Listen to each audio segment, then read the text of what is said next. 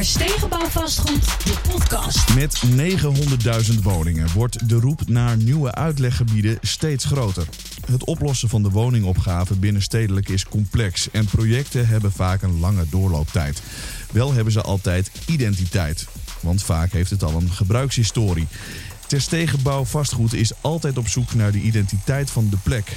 Maar wat als we op nieuwe uitleggebieden gaan bouwen? Hebben de weilanden dan een identiteit? En hoe ga je om met de landschappelijke kwaliteit? In deze afleveringen beantwoorden we de vraag: hebben we geleerd van de Phoenix en wat nemen we mee? Mijn naam is Piet Kees van der Wel en deze aflevering heeft als titel Identiteit van toekomstige uitleggebieden. Anne Bolster, gebiedsontwikkelaar bij Terstegen Gebiedsontwikkeling. Misschien een uh, leuke eerste vraag. Wat hebben we in elk geval niet geleerd van de Phoenix wat jou betreft? Ja, een goede eerste vraag. Um, ja, de Phoenix is eigenlijk even oud als ik zelf. En ik woon zelf in Zwolle en daar zit uh, hè, een van de grootste Phoenix-wijken van Nederland. En eigenlijk is die er nu nog steeds niet af. Hè? Dus volgens mij um, hebben we nog niet echt geleerd versnellen. Um, en de eerste delen van Stadshagen zijn misschien ook monotoon. Waar de laatste delen wel beter worden en mooier worden. Hè? Maar, uh, maar volgens mij hebben we ook echt uh, ja, nog niet helemaal geleerd om naar onze doelgroepen te luisteren. Want volgens mij woont iedereen toch best fijn in die Phoenixwijk. Nou, daar gaan we zo meteen over uh, verder praten. Gertjan Hospers is uh, hoogleraar geografie, planologie en milieu aan de Radboud Universiteit in Nijmegen. Als de term Finex valt, meneer Hospers, wat is dan altijd het eerste wat u gelijk aan uw studenten hierover vertelt? Nou ja, dan uh, zeg ik, dan is er een groot verschil tussen hoe de vakbroeders er tegenaan kijken, de architecten, de stedenbouwers, en de mensen die er wonen. Want er is eigenlijk een soort Finex-paradox, zou je kunnen zeggen. Hè? Dus de mensen die, uh, die, uh, die er kritisch naar kijken, die uh, zeggen: ja, dat is allemaal zo monotoon, saai. Een beetje hè, wat Anne net ook al, ook al te sprake bracht. Terwijl als je de bewoners vraagt, zeggen: nou, lekker makkelijk, auto voor de deur, kindvriendelijk, ik woon niet met veel plezier. Ja, ja. Zullen we gewoon eens even terug naar die geschiedenis? Hoe, hoe zijn die Phoenix-wijken eigenlijk ooit ontstaan? Wat was de gedachte erachter? Nou, het is een, een, een project. Eigenlijk het is het laatste grote ruimtelijke ordeningsproject uh, van het Rijk uh, in ons land. Waarbij ja, men toch met name buiten de stad ook grote locaties wilt aanleggen waar mensen makkelijk konden wonen. Een beetje de Nederlandse variant van de Amerikaanse suburb. Hè. Dus je moet eigenlijk wel een auto hebben om er, om er ook te komen. En ja, dat gaat echt om grote, grote aantallen. Hè. Denk, aan een, denk aan Leidse Rijn hè, bij Utrecht. Dat moet uiteindelijk eh, moet dat een uh, stad worden, ja, stadsdeel van Utrecht. Van de grootte van Leeuwarden ongeveer. Hè? Dus, ja. uh, dus, dus het is. Maar het is dus. En het gaat dus heel over de maakbaarheidsgedachte. Dat we denken van wij kunnen het plannen. Nederland heeft een ruimtelijke ordeningstraditie. En we kunnen uh, ja, gewoon eigenlijk bepalen waar mensen weer terechtkomen. Een discussie die natuurlijk ook op dit moment heel erg relevant is. Ja. Is het geslaagd eigenlijk, als we terugkijken? Nou ja, vraag je het aan, uh, aan, aan, aan, mensen buiten Nederland, hè, aan architecten, stedenbouwers, die kijken vol bewondering, niet allemaal natuurlijk, naar, het, uh, naar, de, naar de Finex. Hè. Het heeft zelfs navolging gevonden in, in Amerika, Japan en dergelijke. Maar in Nederland, ja, kijkt men er toch wat anders naar. Ik ben zelf, ik, ik, vind het, ik vind het eigenlijk wel redelijk geslaagd. Maar in zoverre ben ik misschien ook wel een beetje een buitenbeentje. Ik altijd uit van wat mensen zelf prettig vinden. Hè? Dus, dus, uh, als Zou je die... zelf in een Phoenixwijk willen wonen? Oh ja, dat maakt me niet uit. Als ik, uh, als, als ik daar prettig gewoon kijk. Ik heb altijd het volgende principe. Dat is een citaat van Italo Calvino, een, uh, een schrijver. die heeft een boek gemaakt, Onzichtbare Steden. Je houdt niet van een stad vanwege haar 7 of 77 attracties... maar omdat ze aan jouw specifieke behoeften voldoet. En dat is volgens mij heel belangrijk. Finex is een, uh, een, wijk. Heel veel mensen die. Het is misschien wel de bereikbare droom. Ze hadden misschien wel liever veel uh, ja, gewoond in het buitengebied of hartje stad, prachtig. Maar ja, dat kost ook het nodige natuurlijk. Nou, en uh, in de Phoenix kun je toch een beetje je droom waarmaken. En zoals ik al aangaf, het is comfortabel, het werkt probleemloos. je vindt er gelijkgestemde. Kortom, uh, niet zo moeilijk doen. Uh, uh, het, het, past echt bij Nederland. Ja, precies. Anne, wij spraken elkaar voor dat we deze opname starten even. Jij zei van, nou ja, voor geen goud zou ik in zo'n wijk willen wonen. Nee, dat klopt, ja. nou, toen wij naar Zwolle verhuisden, hebben we het aantal wijken afgestreept. En daar was Stadshagen er direct één van. Um, Stadshagen is ook eigenlijk een soort Phoenixwijk. Er is een Phoenixwijk. Dat is een van de Phoenixwijken. En um, ja, de vraag is ook, woon je nou in die wijk of woon je in de stad Zwolle? Hè? Want ik denk dat dat, uh, volgens mij woon je in de wijk, maar leef je in de stad of werk je in de stad? En dat was ook het doel hè, van de Phoenix, om de, de woningen dichter bij de stad te maken, zodat we ook files zouden verminderen. Maar persoonlijk zelf, um, ja, persoonlijk zelf denk ik, ja, in zo'n kinderrijke buurt uh, is misschien niet wat voor mij. Hè? Ik zou misschien zelf of lekker binnenstedelijk, binnenstedelijk willen wonen, of dan toch meer uh, op het platteland, waar de dorpse voorzieningen wat meer. Uh, dus dat je ook wat meer sociale controle hebt. Want volgens mij zijn die ogen op het maaiveld. Hè, en is dat soms wel wat ontbreekt in de Phoenix, omdat het vooral alleen maar gewoond wordt. Ja. En, ja, en nu. Geen sociale cohesie. Ja, volgens mij wat minder sociale cohesie. Omdat je, wat mijn beeld erbij is, en misschien is dat wel helemaal, hè, helemaal niet waar, maar uh, dat je daar ochtends wegrijdt met je auto. Uh, hè, omdat je toch redelijk goed bereikbaar bent met de auto. Dus je kunt ook buiten de stad werken. Um, dus, nou ja, hè, en je komt s'avonds weer terug. Ja. Um, dus dat is een beetje mijn. Uh, ja, dat, is, ja, ja, dat, ja. dat is wel zo. Het is inderdaad echt. Wonen is de belangrijkste functie. En is, is het dan bij jou ook een beetje zo van dit is de wijk waar je nooit dacht te gaan wonen. Hè. Dat is zeg maar de ondertitel van een heel mooi stuk uit de Volkskrant in 2018. En het, en het vertookt een beetje wat je nu eigenlijk ook, uh, ook, uh, ook zegt. Ja, maar persoonlijk zou ik dan liever gewoon echt helemaal buiten de stad gaan. En, uh, en misschien meer naar een dorpse omgeving. Ja. Maar dat heeft misschien ook te maken met waar ik vandaan kom. Hoe, hoe belangrijk zijn dan voorzieningen in zo'n Phoenixwijk? want als je zegt van het is eigenlijk vooral uh, om te wonen, uh, ja, is het dan belangrijk dat er een sportvereniging is, dat we er een supermarkt hebben, dat je er naar de kapper kunt, uh, dat soort dingen? Nou ja, de, de, belangrijkste voorziening is misschien wel het openbaar vervoer. En, en wat commerciële voorzieningen, wat, wat, wat de boodschappen, dat je die makkelijk moet kunnen doen en dergelijke. Maar het hangt natuurlijk erg van de grootte van de wijk af. Hè. Dus uh, in Leidse Rijn heb je tal van voorzieningen, ook sociale uh, voorzieningen en huisartsenposten en, en dat soort zaken. Maar in de wat kleinere, uh, ja, dan, dan, dan kun je misschien ook wel in het dorp dichtbij of in de stad dichtbij. Kijk, er is onderzoek bekend waaruit blijkt van waar identificeren de Phoenix-bewoners zich mee. En het blijkt dat een derde zich identificeert met de stad waar het deel van uitmaakt. Ja. Een derde met uh, het dorp dat er vroeger bij lag, of in de buurt was, of waar ze naar, ja, naar die wijk zijn verhuisd. En het derde maar met de wijk zelf. Ja. He, dus dat geeft wel aan dat, dat uh, ja, de, laat ik zo zeggen, het is niet zo dat je dus een, de, de, dat, dat we hoeven te verwachten dat uh, een, een voetbalclub Leidse Rijn opeens top uh, of de bil gaat worden. En uh, hè, dus de, de, stedelijke voetbalvereniging. Nee, nee dat, daarvoor kiezen mensen dan toch weer liever voor de stad. Ja, precies. Um, ja, we, we, staan voor een enorme opgave. 900.000 uh, woningen, liefst in de bestaande stad. maar het zijn ook lastige trajecten. En dan is natuurlijk de grote vraag: ga, gaat dat zonder nieuwe uitleggebieden lukken? Kijk ik toch maar. Even. Nou, eerst eens naar jou, Anne, vanuit de praktijk. Ja, ik denk dat het wel lastig te zeggen is. Want als je nu ziet uh, waar de woningen worden geprogrammeerd, uh, dan is dat natuurlijk voornamelijk binnen de bestaande stad. Alleen daar zit heel veel onzekerheid in. Hè? Dus uh, infrastructuur, infrastructuur, dus ontsluiting van die stad. Hè? Wat als we al die mensen ook toch de stad uit moeten? Gaat deelmobiliteit werken om bijvoorbeeld parkeerdruk af te nemen, om ruimte te scheppen voor al die woningen? En, denk ook heel belangrijke vraag. Um, willen mensen hè, anders wonen. Hè? Dus kunnen wij misschien ook wel als ontwikkelaars hè, die mensen helpen om hun woonbehoeften misschien wat aan te passen. Want als je het ze inderdaad nu vraagt, hè, dan willen ze het liefst met die, in die rijwoning in de stad. Maar ja, volgens mij is dat met die 900.000 woningen in de stad geen optie. Nee, nee. Dus het is volgens mij wel lastig te zeggen. Het zou wel mooi zijn hoor, dat het gaat lukken en dat we de, onze groene randen uh, kunnen behouden of juist de natuur daar kunnen gaan herstellen. Maar uh, dus ik denk dat we er uiteindelijk ook in de snelheid um, en misschien ook wel in de diversiteit van woonproducten die we toch nodig hebben voor, uh, voor ieder van ons, uh, dat het wel lastig is om alles binnen de stad te realiseren. Meneer Hospers, wat is de grootste beer op de weg? Ja, ik, ik denk dat het Anne gelijk heeft. Het is lastig in de stad. En, en de grootste beer is op de weg, denk ik, het korte termijn denken. En uh, terwijl dit een vraagstuk is van lange termijn. En daar zit voortdurend een spanning op. Hè? En ook de onzekerheid van wat moet je nou doen? Want er is elke keer weer een nieuwe.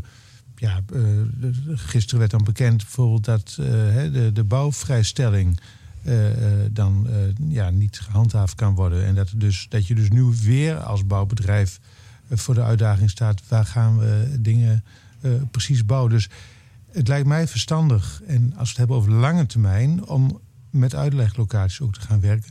Maar dan wel in gebieden waarvan je zeker weet, nou, daar kunnen we een tijdje mee vooruit. Het verbaast mij bijvoorbeeld hoe weinig discussie er is over uh, ja, de vraag: moeten we nog wel in de randstad blijven bouwen? Kunnen we dan niet veel beter waar je hoog en droog zit, in het oosten van Nederland, waar ik vandaan kom, uh, dat je daar misschien wat meer neerzet? Nee, het lijkt erop dat men toch nog steeds hoogstens op de middellange termijn kijkt, maar niet echt al die vraagstukken rond klimaat, vergrijzing, mobiliteit meeneemt bij de vraag waar je zou moeten gaan bouwen. Dus ik vind het een, ja, een, een vrij uh, ja, weinig fundamentele discussie.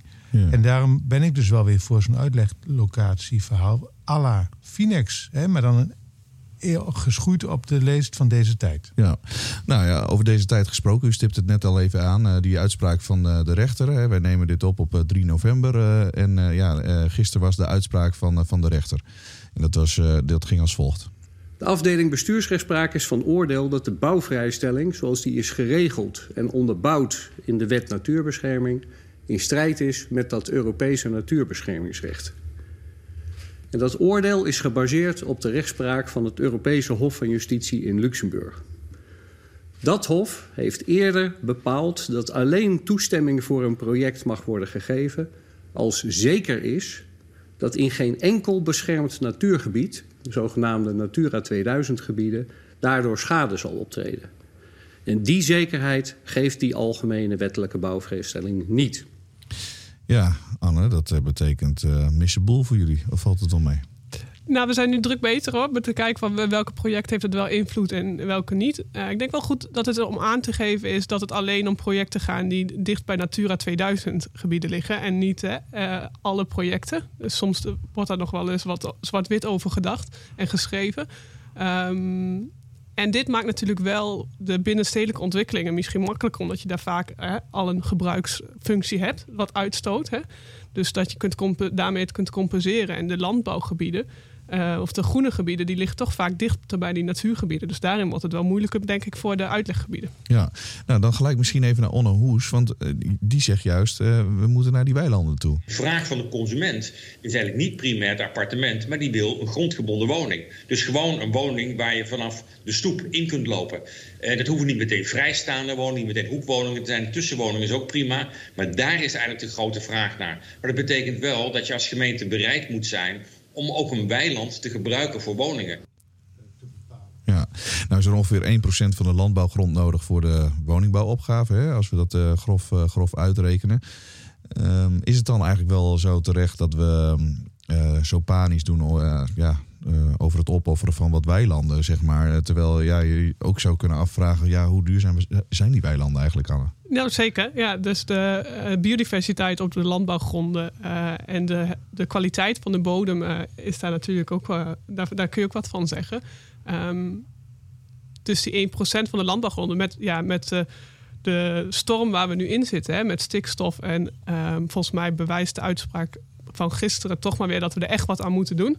Um, en dat we dat niet kunnen zonder daar drastische maatregelen in te nemen. En als we dan die grond die vrijkomt wellicht kunnen gebruiken voor een stukje natuurherstel, uh, maar ook voor onze duurzame energievoorziening, woningbouwopgave, uh, maar ook onze wateropgave. Want dat is denk ik de volgende crisis die er nog aankomt bij ons in het land.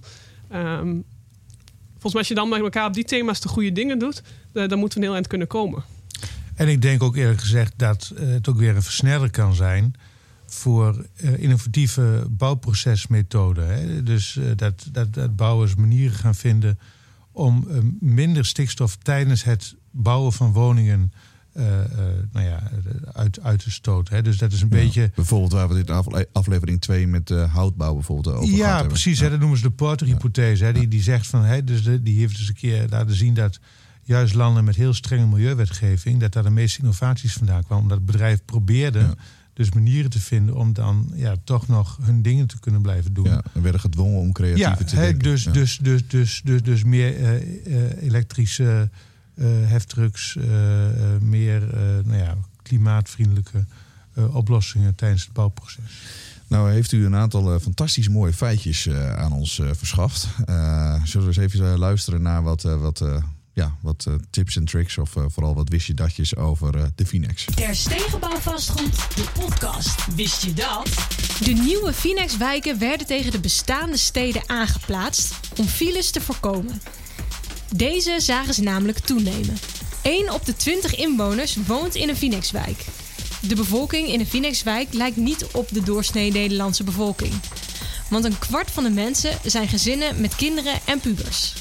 En er wonen zelden 65 en 80-plussers. Het zijn doorgaans vooral koopwoningen. Er wonen meer mensen met een hoog inkomen, veel tweeverdieners en weinig singles. De waarde van de Phoenix-woning is meestal hoger dan gemiddeld. Tussen 1960 en 2009 hebben we in Nederland elke 10 jaar 1 miljoen woningen gebouwd. De huidige woningopgave kon dus wel eens minder groot zijn dan het lijkt. Ja, waar hebben we het eigenlijk over? Goeie vraag. ja, maar is, is dat inderdaad, ik bedoel, want zo bagatelliseren we het misschien een beetje. Maar ja, tegelijkertijd met alle, uh, toen waren die problematieken er misschien uh, niet. Hè? Ik bedoel, we hebben nu meer uitdagingen wellicht, toch? Ik denk inderdaad dat, dat het allemaal wel wat complexer geworden is. Hè? Dus uh, we hadden het net over die bouwvrijstelling en over het stikstof. Dat soort contextuele factoren moet je inderdaad wel, wel meenemen. Maar ja, tegelijkertijd, de productiviteit neemt ook toe. We hebben prefab, uh, bouw, uh, dat soort zaken. Dus ja, het is toch weer op langere termijn blijft toch echt heel positief. Hè? Maar we worden zo, gereageerd, zo geregeerd door, door, door korte termijn uh, ontwikkelingen en hypes en dingen. Dat we af en toe vergeten van jongens, even rustig, even kijken. Dus ik denk dat ja, dit soort uh, feiten over uh, langere termijn dat het ook een beetje nou ja, de discussie wat, wat rust kan brengen. Want ik denk dat dat wel belangrijk is. Maar daar stipt u natuurlijk wel iets interessants aan. We zitten in een wereld van social media waarin alles snel moet. Uh, waarin een breaking news melding, wat, wat misschien tien jaar geleden de, de, hele dag het nieuws had beheerst, nu maar drie uurtjes het nieuws beheerst. Want dan is er alweer een volgende breaking news melding. Hoe halen we dat opgejaagde dan, dan er wat uit? Want, want dat is eigenlijk wat u zegt. Ik pleit inderdaad voor zeg maar kathedraaldenken. He, dat is een beetje zoals de middeleeuwers. Die, die, die bouwden aan een kathedraal. waarvan ze wisten dat ze de voltooiing ervan niet eens meer zouden meemaken. Die waren zo met het geloof bezig dat. Uh, nou ja, dat, dat, dat, die, die, dat dreef ze. En de klimaatopgave is natuurlijk ook een lange termijn vraagstuk. Ja, en als het voortdurend door korte termijn uh, wordt, wordt, wordt ja, beheerst, is dat heel lastig. En ik zelf hanteer ook methoden uh, om, om die uh, korte en lange termijn met elkaar te verbinden. Denk aan participatietrajecten. Waarbij je dus mensen vraagt, nou, hoe zou die wijk eruit uh, kunnen zien over vijf, tien jaar? Nou, en dan komen mensen met hele andere... een deel van een groep, hè, ik deel ze dan in in, in, in, in één groep. Een ander deel van een groep, die geef ik een hesje. Geen geel hesje hoor, een oranje hesje. en die zeggen, jullie denken nou over 2050. En hoe ziet die wijk er dan uit? Wat, wat vind je dan belangrijk? Nou, en dan zie je dus dat die groep met hele andere vraagstukken. Hele en waar zitten die verschillen dan in? Nou, die zijn veel klimaatvriendelijker. He, die zijn veel meer met groen en zo. En, en, en uh, dan, dan gaan mensen echt los. En vervolgens laat je ze met elkaar in discussie gaan. Je kunt ook de, de lege stoel aan tafel methode hanteren. Dat je zegt, nou, we zitten hier nu met z'n drieën. Er staat nog een lege stoel. Uh, dat is zeg maar de, de nog niet geboren generatie. Wat zou die ervan vinden? Dat je, daar dus, dat je die bewust erbij betrekt of ook in het verhaal meeneemt. Ja. Dus dat zijn zo van die methoden waarmee je ja, in de praktijk toch wat meer kunt rekening houden met wat er komen gaat. Ik zie jou heel erg uh, knikken, Anne. Ja, ja, ik denk dat we vaak vanuit ons eigen perspectief, bij ook als uh, gebiedsontwikkelaars, willen ontwikkelen. Maar um, de nieuwe generatie, hè, en dan nog maar even te spreken om nog de generaties na mij, hè, um, ja die, uh, die denken echt heel anders. Um, en die staan er echt, uh, vooral in de steden, uh, heel anders in. Um, en het is inderdaad ook wel goed om die een stem te geven. Ja. in elke opgave. Want um, ja, alle keuzes die we nu maken, dat gaat toch wel ten koste van hè, hoe zij gaan leven straks. En hoe doen jullie dat bij, bij Te Stegen dan?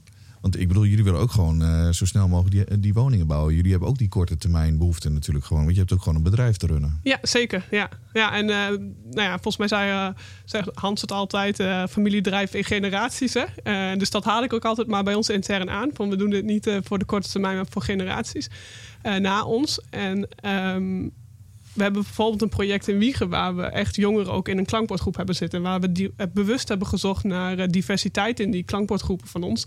Uh, zodat we niet alleen maar even heel gechargeerd oude grijze mannen daar hebben zitten. Maar man, vrouw, jong en oud.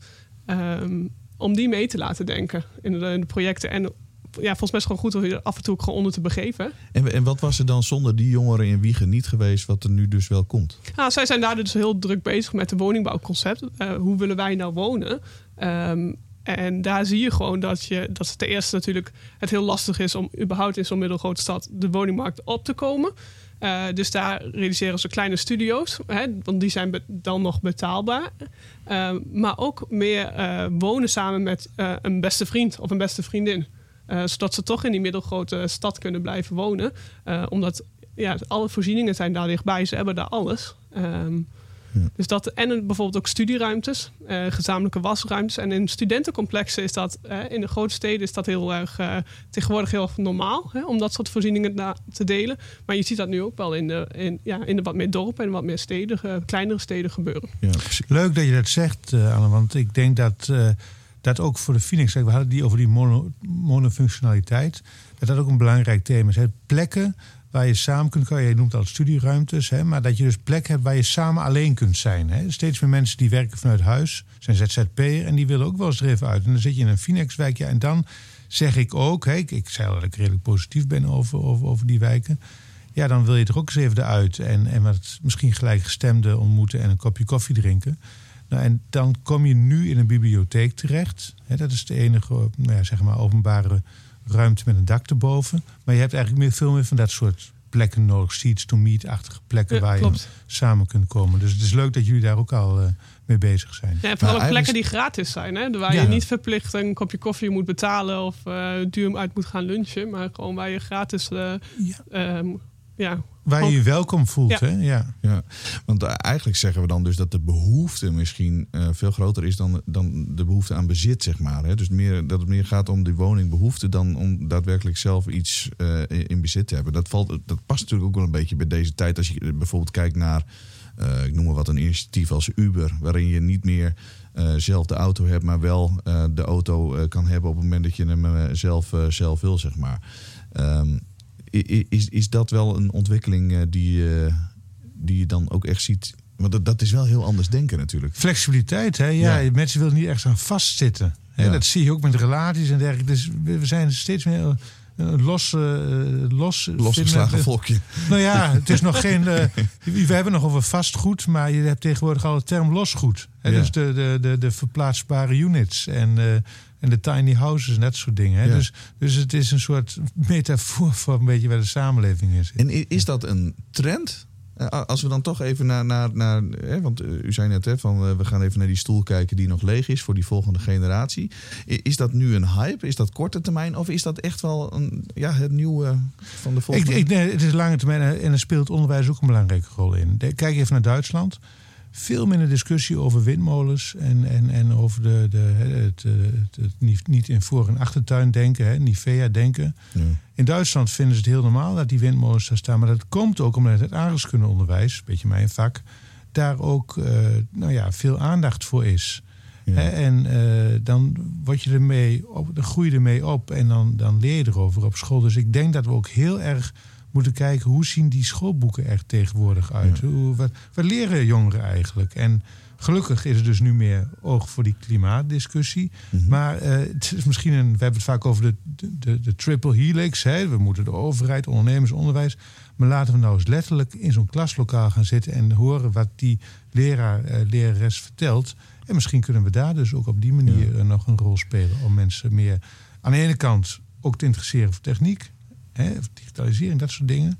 En aan de andere kant ook uh, dat ze dingen uh, voorgeschoteld krijgen uh, die er ook echt toe doen in de toekomst. Ja, maar dan toch even advo advocaat van de duivel. Want in Duitsland is natuurlijk gewoon ook veel meer ruimte. En het is, ja, dan, dan, dan, eh, dan eh, hebben mensen misschien ook minder last van zo'n windmolen. En hier, ga, hier staat hij toch al wel heel gauw in je eh, achtertuin. En dan wordt het zo'n NIMBY-dossier. Ja, maar we gaan ook discussies uit de weg. Die, hè, je zou ook kunnen, we hadden het al over participatie. Je zou kunnen zeggen, nou laten we nu als gemeente kijken waar in de gemeente er een plek is waar we het allemaal het minste hinder van hebben, zeg maar. Ja. Nou, ik maak me daar wel wat zorgen over, ook met de nieuwe omgevingswet. Hè, want je ziet dus, dan wordt vaak de rand van een gemeente, eh, dus waar die dus grens met andere gemeenten Ja. uitgekozen. Ja, dan schiet je, er nog niet, schiet je er nog niet veel meer op. Maar ik denk dat er dus op dit vlak ook nog wel veel creativiteit te behalen valt. Ja. Nou, terug naar, die, eh, naar dat wonen. Hè. De, de windmolen is een leuk eh, zijstapje, maar eh, we gaan terug naar dat wonen. Ehm, de behoefte wordt dus flexibeler. Dat is eigenlijk een conclusie die we hier met z'n allen trekken op de, op de lange termijn. Ehm, wat, wat zijn nog meer belangrijke dingen voor die lange termijn? Dan gaan we zo nog even naar de korte termijn. En dan hebben we het helemaal in één klap opgelost in deze aflevering. is toch mooi, toch? Ja. ja. Eh, ja, voor de lange termijn, zei je? Ja. ja, ehm, ja die, kijk, die, de Phoenixwijk, zoals we die inderdaad eer, eh, in 1991 begonnen zijn... Ja, die kunnen natuurlijk niet zo één op één weer overdoen. Hè? Dus eh, volgens mij moeten ook inderdaad veel meer eh, diverse functies in die wijken komen. En ik vind het principe van Jane Jacobs altijd wel mooi. Hè? Dat hij zegt van ja, je moet ogen hebben op maaiveld. En ehm, als daar gewoon als buren elkaar kennen. Eh, en eh, er zit iemand even een kopje koffie te drinken op het terras of op een bankje. En dat gebeurt 24 uur 7 per dag. Voelen mensen zich veel veiliger en is er ook veel minder criminaliteit in wijken bijvoorbeeld. Dus dat kan allemaal met dus programmeren. En waar, hè, waar vinden die plekken zich dan waar je, ehm, waar je even gratis kunt drinken? Waar is het niet gratis? Eh, waar parkeer je je auto? Waar kun je lekker in het groen zitten en is er rust? Dus nadenken over dat soort plekken is misschien nog wel belangrijker van waar zet ik dan die huizen neer en hoe zien die huizen er dan uit? Want dat, dat lossen we wel op. ja. Maar d- wat nadenken aan de voorkant, stedenbouwkundig is denk ik heel, eh, voor die gebieden is denk ik wel echt belangrijk. Meneer Hospers? Ja, ik, ik sluit daarbij aan. En ik denk dat we het, hè, we hebben het vaak over identiteit van plekken en zo. Ik zou liever over de kwaliteit van plekken willen hebben. En we weten heel goed uit onderzoek wat mensen prettige omgevingen vinden. Een prettige omgeving is als een feest waar je, waar je als het ware de tijd vergeeft en de tijd, tijd vergeet en blijft hangen. En dat zijn plekken die, die groen zijn, die op menselijke maat zijn gebouwd, die eh, nou ja, wat variatie bieden, die comfort eh, ook uit, uit, uitstralen. Dat, dat kun je maken. Hè? En, en, en dat is misschien niet altijd wat een architect of stedenbouwer mooi vindt, maar het kan ook een beetje kneuterig overkomen? Finex-achtig. Dat is, dat is de eh, fysieke kant. En de sociale kant is denk ik ook heel belangrijk. En die haal je ook aan eh, terecht, denk ik, Anne. Waar voelen mensen zich thuis? En het, dat verband is een heel leuk project. Is het, of, of het jongste dorp van Nederland, Hoef en Haag. Ligt eh, eh, aan de lek bij Vianen. Het bestaat nog maar vijf jaar. Maar toch zie je dus, en dat vind ik heel aardig... dat ze eh, daar het, het principe van het dorp terug hebben gehaald. Hè? Van, het verschil tussen een stad en een dorp is eigenlijk vrij eenvoudig. In een stad zie je veel mensen weinig. In een dorp zie je weinig mensen veel. En eh, als je weinig mensen veel ziet, dan ontstaat er ook wat cohesie. Dus ze hebben daar ook de brink waar mensen samen kunnen komen. Ze organiseren allerlei activiteiten. Ze investeren in sociale cohesie. Nou, en ik denk dat die sociale kant eh, van zo'n wijk ook ja, heel belangrijk is om daar oog voor te hebben. Zeker bij de nieuwe uitleglocaties. En dat is denk ik in het verleden, als we dan toch een beetje terugkeren naar hè, het begin van deze uitzending, eh, wat ja, vergeten of wat te weinig aandacht voor geweest. Dus ik denk dat eh, een belangrijke conclusie voor die toekomst van lange termijn is: begin bij de mens en ook hoe die zich verhoudt tot andere mensen. Eh, en, eh, nou ja, en, en, en, en, weet dat hij van een groene omgeving houdt, waar hij op een, op een, op een, op een bankje kan zitten en met praten met, met, met, met, met, met andere mensen die ook deel uitmaken van zijn woonomgeving. En Ja. ja, het is allemaal niet zo moeilijk hoor. En wat dat betreft eh, is eh, eh, Jane Jacobs werd al genoemd. Jan Gale zou ik erbij willen halen. Hè, die zegt ook, bekijk de wijk nou op ooghoogte hè, en niet uit de hoogte. Hè, maar ga gewoon eens kijken. We, daar hebben we, ja, we hebben er heel veel kennis over. En we weten heel goed hoe we plekken maken waar mensen graag verblijven. Ja, maar maar een van de dingen die u zegt, eh, groen is wel heel erg belangrijk. En, en, dat is nou net wat je in de stad natuurlijk vaak niet zoveel ziet.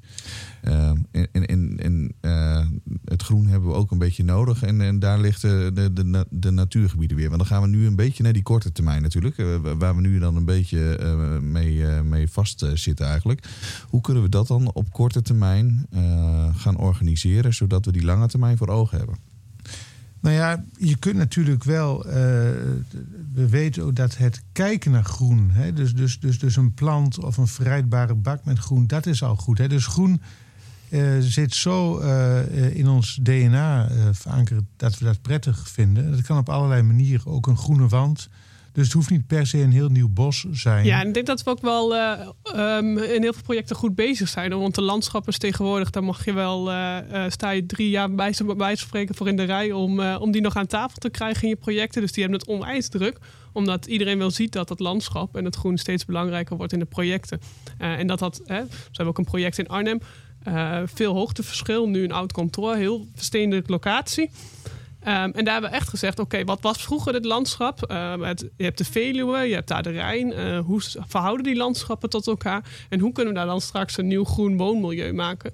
Uh, waar je dus inderdaad het parkeren uit het zicht hebt. En waar mensen dus ook misschien wel hoogstedelijk wonen, maar wel uitzicht hebben op dat groen. Dus ik denk dat we in de projecten die we nu doen, hè, iedereen best wel goed bezig is. Um, en volgens mij moeten we dat ook vertalen dan straks als we toch hè, aan die randen van die steden weer gaan bouwen. Uh, ik bedoel, daar is straks, hè, die weilanden die zijn leeg. Dus daar kunnen we het echt van nou ja, opnieuw bedenken. Uh, die kennis gewoon meenemen hè, naar, die, naar die projecten daar. Uh, en daar, ja, misschien zijn die Phoenix-wijken in de toekomst wel niet zo, niet zo dicht, hè, niet zo woningdicht als we nu gewend zijn in de, de huidige wijken. Maar staat daar, hè, is daar meer, veel meer verdund en staat daar groen veel meer centraal. Ja. En wat moeten we in elk geval niet doen? Auto's op straat. Blik. Blik is inderdaad iets. Uh, dus dus uh, dat is. Ja, wat, blik van de weg hoor ik. Ja. Uh, ja. Blik van de weg. Nou ja, toch misschien een beetje stichtelijk, maar toch te weinig op de lange termijn denken. We, we, moeten dus niet ons laten leiden door de zoveelste hype. En, dus we moeten eigenlijk vanuit het idee. Wat zijn de grote opgaven voor deze tijd? Terugredeneren, wat kunnen we dan doen? Dus dat we uh, toch stapjes kunnen zetten naar die groene toekomst. Uh, waar we allemaal uh, um, ja, toch prettig kunnen wonen. Dus ik, we moeten ons niet laten verleiden door op te korte termijn te laten denken. Misschien wel een beetje. Samenvatten, we moeten niet het marshmallow-denken gaan doen. Hè. Het marshmallow-denken wil zeggen, er is een onderzoek geweest onder kinderen. Hè, je mag nu vier marshmallows nemen. Of je wacht een kwartiertje en dan krijg je er vijf. Alleen iedereen koos voor die vier nu. Ja. dus we moeten misschien meer uh, op de lange termijn gaan denken. Dus uh, afscheid nemen van de korte termijn en meer op lange termijn. En gelukkig hebben we een generatie die eraan komt die dat, uh, die dat gaat doen. Dus ik ben hoopvol gestemd. Nabrander van Anne? Ja, ik denk ook dat wij ehm, als ontwikkelaars lef moeten tonen om ook echt andere omgevingen te gaan creëren. Want ik zie het soms toch ook gewoon een beetje als marketing. Hè? Die trends, we zijn allemaal trendgevoelig. Hè? En uh, we denken allemaal misschien wel dat we in een rijtjeshuis willen wonen. Maar misschien als we een heel goed ander product aanprijzen, is dat ook goed. Hè? Uh, dus ik denk dat daar bij ons wel lef, lef in zit. Maar ik denk ook wel dat we de, onze kopers goed mee moeten nemen. Hè? Bijvoorbeeld hè, in die mobiliteitsopgave die er zit. Um, ja, dus die nieuwe uitleglocaties die zouden zich toch aan de rand van de stad bevinden. Dus je moet een stukje verder fietsen. Ja, zorg dan dat je uh, met elektrische deelscooters, fietsen, uh, dat je dat ter beschikking stelt om zo die mobiliteitsbehoeften te laten afnemen. En in ieder geval ook die auto's uit, uit het zicht te krijgen. Want ja, daarin zit wel, denk ik, een aandachtspunt voor ons om iedereen goed mee te nemen in die verandering die moet plaatsvinden. Ja. Oké, okay, dus we moeten het samen doen. We moeten het meer op de lange termijn doen. Uh, het blik moet van de weg, uh, hebben we net uh, gehoord. En we moeten lef tonen. Zijn dat dan, heb ik hem dan in een paar kernwoorden vervangen? Het zijn algemene begrippen, maar ja, ik denk, ik denk dat je het mooi hebt samengevat. Nou, dan uh, was dit uh, aflevering 4 en daarmee ook de laatste aflevering van deze nieuwe serie van Terstegen Bouwen Vastgoed, de podcast.